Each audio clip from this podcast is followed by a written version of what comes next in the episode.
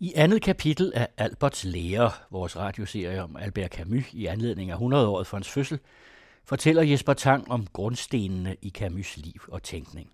Fattigdommen og lyset, lykken, dødsbevidstheden, begrebet det absurde og vigtigheden af at holde løgnen på afstand. På et vist tidspunkt bliver det absurde menneske udsat for fristelser, skriver Albert Camus i begyndelsen af sit første filosofiske essay, Sisyfos-myten. Historien mangler hverken religioner eller profeter, selv efter gudernes død. Man vil fortælle ham, det absurde menneske, at han sønder ved hovmod, men han forstår ikke begrebet synd. Man vil kræve af ham, at han skal erkende sin skyld, men han føler sig uskyldig, og det eneste, han kræver af sig selv, bliver altså udelukkende at leve på det, han ved, at affinde sig med det, som er, og ikke regne med noget, der ikke er sikkert. Det, som er, mere Camus kan det ikke blive, ingen abstraktioner, ingen spekulation, ingen metafysik, kun med hans egne ord sten og kød, stjerner og håndgribelige sandheder. Camus lærte ikke at tænke og handle i bøgerne, for der var ingen bøger i hans hjem. Dem mødte han først i den kommunale skole i Rue Omera i Algiers fattige Belcourt-kvarter, og senere, da en opmærksom og storsindet skolelærer havde set hans og et par af hans kammeraters evner, og gav dem ekstra timer uden for skoletid for at hjælpe dem til at vende deres sociale skæbne, det vil sige bestå optagelsesprøven på Grand Lycée, gymnasiet i den fine ende af byen. Og i Albert Camus' tilfælde løste skolelæreren i øvrigt også et ikke mindre problem, nemlig at overbevise hans mor og mormor, der begge var analfabeter, om at uddannelse var den økonomiske opoffrelse værd, som en manglende indtægt betød. Hans filosofiske metode er tilsvarende håndgribelig. Forstå verden er et spørgsmål om at skære ned til det menneskelige, resumerer Camus. Intellektuel skråsikkerhed frabedt. Det absurde, der hidtil har stået som en konklusion, betragtes i dette essay nemlig Sisyfos-myten, som et udgangspunkt. For så vidt kan man sige, at mine betragtninger er af provisorisk karakter. Man kan ikke på forhånd vide noget om, hvilket standpunkt de vil føre til.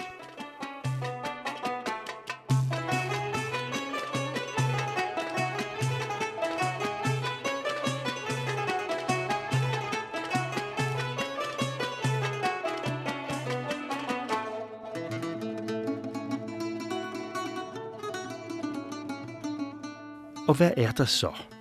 Endnu før fattigdommen er der for Camus kroppen. Her i Algier har intelligensen ikke sin plads ligesom i Italien, men vi har kroppens kultur, skriver han.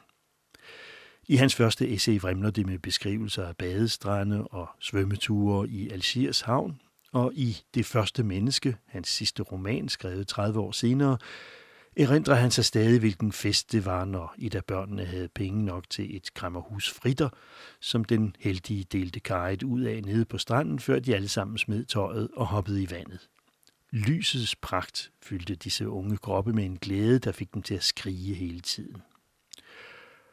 Og når det ikke handlede om at bade, var det fodbold, der var på programmet. Først på en brakmark i kvarteret, hvor der blev sparket i alt fra konservesdåser til kludedukker, og slidt sig voldsomt på skosålerne af mormor skældte og smelte, når Albert kom hjem og til sidst forbød den elskede sport, for sko at dyre. Senere blev skolegården fodboldbanen, og i 1929 blev Camus helt officielt udnævnt til juniorholdets målmand i RUA-klubben Racing Universitaire d'Alger. Den smule moral, jeg har lært, lærte jeg på fodboldbanerne og på teaterscenerne, der stadig er mine sande universiteter sagde han i et interview i 1959. Kroppen leverer sanseoplevelserne, som tanken arbejder med. Kroppen bringer den konkrete verden til bevidsthed.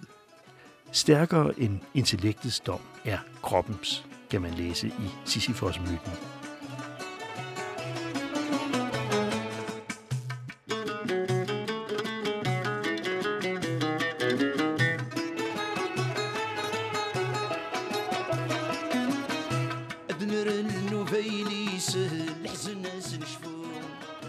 Det andet håndgribelige grundvilkår i Albert Camus' tilværelse er barndommens fattigdom. Da hans filosofilærer på universitetet og den unge students forbillede, Jean Grenier, en dag aflagde besøg i familien, mødte han, fortalte han senere, en fattigdom, som han ikke i sin vildeste fantasi havde kunnet forestille sig. En treværelses lejlighed i Algiers fattigkvarter, som sagt, beboet af Albert selv og hans lidt ældre bror, der begge delte værelse med hans mor, en næsten døv kvinde, der sad det meste af tiden og stirrede tavs ned på gaden. Huset, husholdningen, styredes af mormoren, en geschæftig kvinde, der svang pisken om nødvendigt, og stod for administrationen af de penge, moren tjente på at gå ud og gøre rent for folk, og som en bror tjente, en bror, der længe havde boet sammen med dem, som ansat på et værksted, der fremstillede vinankre. Ja, også Albert selv blev allerede før han var stor nok til det, sendt ud og tjene penge i sommerferierne. Alligevel kunne han i 1942 i sin notesbog skrive, man kan uden romantik tænke nostalgisk tilbage på den tabte fattigdom. Et vist antal år levet i fattigdom skaber en særlig følsomhed. Fattigdommens dyd er gavmildhed, skriver han også. Fattigdommen er ikke alene derfra, hvor hans verden går, barndommens land, men også et lærestykke. Erindringen om den verden af fattigdom og lys, jeg længe levede i, beskytter mig endnu i dag mod to modsatte farer, som lurer på alle kunstnere, naget og selvglæden, bemærkede han i 1958 i forordet til genudgivelsen af sin debutbog. En verden altså af fattigdom og lys.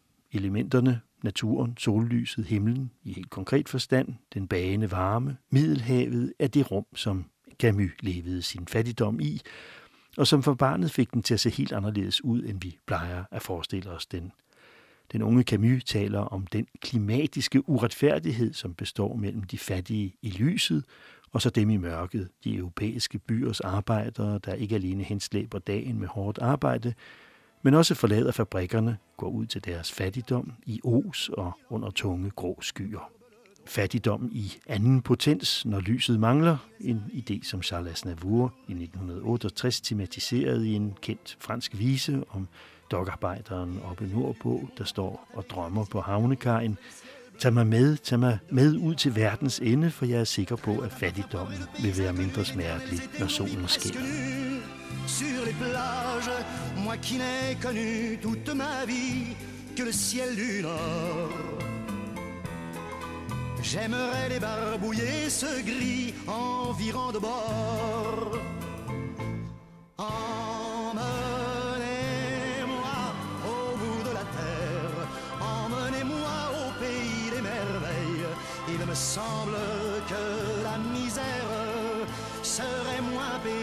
soleil dans les bars à la tombée du jour avec les marins. Lys, stærkt lys, klarsyn, en absolut forudsætning for et godt, det vil sige et værdigt liv, og hvorfor ikke for lykken, den hører nemlig også med til det, der er. Comment? Pourquoi je fais du théâtre? Eh bien, je me le suis souvent demandé. Et la seule réponse que j'ai pu me faire jusqu'à présent vous paraîtra sans doute d'une décourageante banalité. Tout simplement parce qu'une scène de théâtre est un des lieux du monde où je suis heureux. Hvorfor jeg spiller teater, spurgte Albert Camus i et fjernsynsinterview i 1959. Det har jeg tit spurgt mig selv om, og det eneste svar, jeg indtil videre har kunnet give, vil sikkert virke håbløst banalt på dem. Det er simpelthen, fordi en teaterscene er et af de steder i denne verden, hvor jeg er lykkelig. Men måske er bemærkningen mindre banal, end den virker. Lykken er noget ret originalt at hengive sig til i dag. Beviset er, at vi er tilbøjelige til at skjule os, når vi søger den. Vi opfatter den som en slags pædofili, noget man skal skamme sig over. Remarquez que cette réflexion, après tout, est moins banale qu'il y paraît. Le bonheur, après tout, est une activité originale aujourd'hui. La preuve, et qu'on a tendance à se cacher pour l'exercer, à y voir une sorte de balai rose dont il faut s'excuser. Men faktisk er det jo en underlig verden, den hvor man skal skamme sig over at være lykkelig. Og det har ikke ændret sig siden Camus' dage. Tværtimod, begrebet ligger ligesom følelsen langt tilbage i vores bevidsthed. Vi har svært ved at identificere den. Lykken er efterhånden blevet et fantasifoster, som vi dybest set ikke tager rigtig alvorligt, eller måske snarere synes er lidt naivt. Når vi siger, at vi er lykkelige for et eller andet, så betyder det som regel bare, at vi er glade for det. Mere alvorligt tager vi det at være lykkelige for, at vi ikke kommer ud for det ene eller det andet. Vi føler os med andre ord nærmere ulykken, som kan ramme os hvert øjeblik, eller blive en permanent tilstand i form af fattigdom, sygdom eller handicap, altså angsten. Men hvorfor denne skam over eller distance til lykken? Vel nok fordi den er uproduktiv. Den producerer hverken rigdom, anseelse, respekt eller berømmelse. Vi vil meget hellere lykkes end være lykkelige, og lykkes er næsten altid noget kvantitativt eller konkurrencebetonet. Være bedre end de andre, tjene mange penge, have magt, nå til tops, blive berømt. Men verdens mægtige mennesker er ofte dem, der gik fejl af lykken, sagde Camus også i interviewet. Og det er sådan set en stor skam, for skal man tro ham, er lykken slet ikke så abstrakt og uhåndgribelig, som vi bilder os ind for at blive fri for at søge den. Og den er faktisk også uhyre produktiv, bare i et andet register end det, hvor den materielle og sociale produktivitet er den fremherskende. Og det er i det hele taget noget af det vigtigste i Alberts lære, at vi kan skifte register til et register, hvor de bløde, først og fremmest menneskelige værdier er i centrum, lykken, ømheden, kærligheden, solidariteten. Et register, hvor tanken bag enhver strategi er, hvad en handling kan gøre for os som mennesker, før vi bliver borgere eller forbrugere, lønmodtagere, eller for den sags skyld principryttere, altså automater, for der findes mennesker, skriver Camus, der foretrækker deres principper for deres lykke. Og det er så længe de sidder ved roret, at intet ændrer sig, og at vi som sagt står vores ulykke nærmest. Kræve lykken og søge den tålmodigt, skrev Camus allerede i sin notesbog i december 1937. På det tidspunkt, altså i det tidlige forfatterskab, så han den som den meget enkle overensstemmelse mellem et menneske og det liv, det lever. Ti år senere lod han en af personerne i romanen Pesten sige, det kan godt være skamfuldt at være lykkelig helt alene, men personen viser i sin måde at handle på i det bestramte samfund, som bogen beskriver, at den individuelle lykke er acceptabel, så længe den hjælper andre. Ja, den er måske det at hjælpe dem. Sådan siger Camus i hvert fald, at han for eksempel oplevede sin deltagelse i den franske modstandsbevægelse. Lykke, solidaritet, lys, en overvældende livsvilje, et tidligt og enormt ja til livet, som måske ikke er overraskende hos det unge, talentfulde menneske, men som gentages så ofte og udmejsles så stærkt, at man alligevel undres Tager han en mistelten i ed? Formentlig, for menneskene dør, og de er ikke lykkelige, siger den gale gejser Caligula i Camus skuespil af samme navn. وقبلات يرمى سريف هتزور مني مولاش تاغ مزيخ ولاش ولاش ولاش ولاش ولاش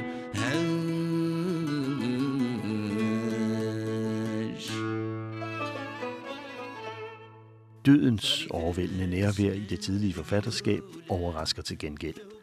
I hvert fald umiddelbart, for faktisk trådte døden ind i Camus' liv allerede før han havde bevidsthed om hverken den, lykken eller fattigdommen. Den hører altså med til grundvilkårene. Hans far døde i oktober 1914 på et hospital i Bretagne, 29 år gammel, mobiliseret blot nogle måneder før til en krig, nemlig den første verdenskrig, der ikke var hans, og som udspillede sig i et fjernt, abstrakt land, som kun formelt var hans. Og noget af det eneste, det lykkedes Camus at få at vide om denne far, fortæller han i sin sidste selvbiografiske roman, Det første menneske, tilhørte også dødens register, en morgen var faren stået op klokken tre, for dog en gang at overvære en af de guillotineringer, som han var så meget imod, nemlig henrettelsen af Piret, en landarbejder, der havde dræbt sine herrer og deres tre børn med en hammer. Resten af dagen kastede faren op igen og igen, fortalte mormoren, for der kom aldrig et ord om faren over hans mors læber. Den samme angst, som havde fået det til at vende sig i faren, var gået videre til sønnen som den eneste oplagte og sikre arv. Men dødens skygge spøgte også i kroppen. I 1930, 17 år gammel, blev Camus indlagt på Mustafa Hospitalet i Algier med diagnosen tuberkulose. Fra det tidspunkt og ind til sin død levede han med regelmæssige tilbagefald og lange rekreationsperioder. Umiddelbart betød sygdommen, at det var slut med at spille fodbold, at han ikke kunne afslutte sine filosofistudier med en aggregation, det højeste niveau, at han ikke kunne blive ansat i det offentlige og blev afvist, da han søgte optagelse i den franske hær ved 2. verdenskrigs begyndelse. Sygdommen, bevidstheden om altings endelighed, om en uomgængelig bagkant, var meget tidligt til stede for mennesket og forfatteren Albert Camus som noget af det, som er. Og derfor, mere end af filosofiske grunde, tror jeg, at Albert Camus blev den, der satte tanken om tilværelsens absurditet i centrum. Euh, les notions d'absurde et de révolte dont j'ai parlé dans mon œuvre et dont on a parlé à mon propos euh, sont des notions vécues pour moi. Je veux dire que au fond, je parle de ce que tout le monde connaît. Et je ne Begreberne absurd og oprør, som jeg skriver om i mine bøger, og som man tillægger mig, er noget, jeg selv har oplevet. Dybest set taler jeg med andre ord om noget, alle mennesker kender, og jeg kan ikke tale om andet af den udmærkede grund, at jeg ikke føler mig særlig original i min måde at fornemme tingene på. Jeg føler på samme måde som de mennesker, jeg er omgivet af. Jeg har aldrig følt mig som noget særligt. Absurditeten er en oplevelse, alle kan have i sporvognen, i en taxa. En følelse af adskillelse og fremmedhed, som jeg har prøvet at analysere. Naturligvis kan en følelse ikke omfatte alt. Man kan ikke forklare alt ud fra denne følelse. Øh, naturellement, øh, un sentiment ne peut pas tout recouvrir, on ne peut pas tout expliquer par ce sentiment. Et j'ai toujours fait la critique de ce, ces impressions qui étaient les miennes, si bien que j'étais amené jeg har altid udsat mine egne fornemmelser for en kritisk betragtning, og det har fået mig til også at udsætte begrebet absurditet for en kritisk analyse, selvom det er noget dybt liggende i mig. Det samme gælder begrebet oprør, som jeg også føler dybt. Jeg kunne godt sagt påstå, at kunstneren og mennesket i mit tilfælde går hånd i hånd, og at det forklarer det, man kalder min udvikling. I virkeligheden er det ikke mine bøger, mit skaberværk, der udvikler sig, men mit liv.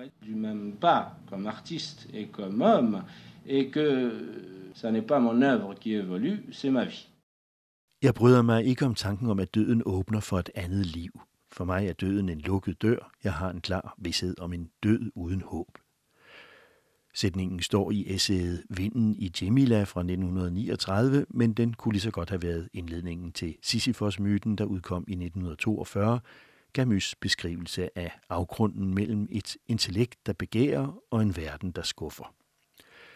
I begyndelsen er oplevelsen af, at virkeligheden går op i sømne, at rutinen krakelerer, at ens handlinger ikke hænger sammen, og at kedsomheden breder sig – det kan ske på et gadehjørne, som sagt, når som helst, og det kan forsvinde igen, ligesom det kan blive anstød til, at man opdager verden som grundlæggende meningsløs.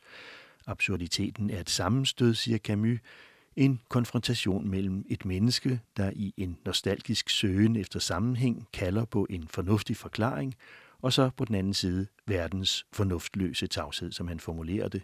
Intet svar, ingen Gud, ingen styrende hånd. Hvad stiller man op? Der er tre muligheder. Den første er selvmordet. Det eneste virkelig alvorlige filosofiske problem, lyder den første sætning i Sisyfos-myten. Det konkrete fysiske selvmord, sådan en meningsløshed, en sådan tomhed kan man ikke leve med. Det andet er det, Camus kalder det filosofiske selvmord. Man vender meningsløsheden ryggen, fornægter den ved at give efter for en af de fristelser, Camus talte om i citatet først i denne udsendelse. Man lader sig friste af troen på den forklaring, en religion kan give på spørgsmålet om tilværelsens mening, eller en ideologi, der for eksempel ser historiens fremskridt som meningen med det hele, en filosofisk retning eller noget andet, alt sammen noget, der munder ud i et håb om paradis, om frelse, om bedre tider, om større lykke. Men håbet er det modsatte af det, vi tror, siger Camus. Håb er resignation, og at leve er ikke at resignere. Derefter er der kun revolten og oprøret tilbage. Forsøget på at overvinde meningsløsheden ved at se den lige i øjnene, formå at opvise klarsynets mod, som Camus kalder det, modet til at skabe sig sit eget liv, eller et ja til livet, i fuld og konstant erkendelse af, at den eneste mulige mening er den lykke, mennesket selv skaber ved hvert øjeblik at spørge, om det lever det liv, det vil. Camus kalder det at leve i sandheden, ikke i en absolut sandhed, for den findes ikke, men i konstant kritisk bevidsthed om den måde, man er til på. Det bliver i og med udviklingen i Camus' liv og filosofi, især efter modstandskampsårene bundet til solidariteten. Jeg gør oprør, altså er vi. Alene i kraft af vores menneskelighed. Alt er enkelt. Det er menneskene, der gør tingene indviklede, siger Camus. Man kunne også sige, det er løgnen, der gør tingene indviklet, eller i hvert fald afsporer os fra det kolossale potentiale, som absurditeten rummer med hensyn til at leve vores eget liv, selv at bestemme dets retning og udvikling, og afvise det, som man frister os med, man, de demokratiske manipulationer, de økonomiske interesser, den religiøse propaganda, traditionens byrde, det vi synes, at man forventer af os. Forhør, hvad der sker, når løgnen får overtaget. Det ligner faktisk ganske godt det, som er omkring os. Tror du, Sheria, spørger Caligula i Camus' skuespil, tror du, at to mennesker med den samme sjælstyrke og stolthed blot en gang i deres liv kan tale lige ud sammen? Som om de stod nøgne over for hinanden, berøvet deres fordomme, deres personlige interesser og de drømme, de lever på. Ja, det tror jeg er muligt, svarer Sheria. Jo, det tror jeg, Kajus. Men jeg tror ikke, at du er i stand til det. Du har ret, indrømmer Caligula. Så lad os derfor tage vores masker på. Lad os bruge vores løgne og tale sammen, som vi slås. Til sidste dråbe. I det andet kapitel af radioserien om Albert Camus hørte I Camus selv fortælle om at være lykkelig og om at opleve det absurde i dagligdagen. Og der var musik af den kabylske sanger Lunes Matoub og den franske Charles Aznavour – Tredje kapitel kommer i næste uge og handler om lighed og retfærdighed. Det er Jesper Tang, der står for tilrettelæggelsen af Camus-programmerne.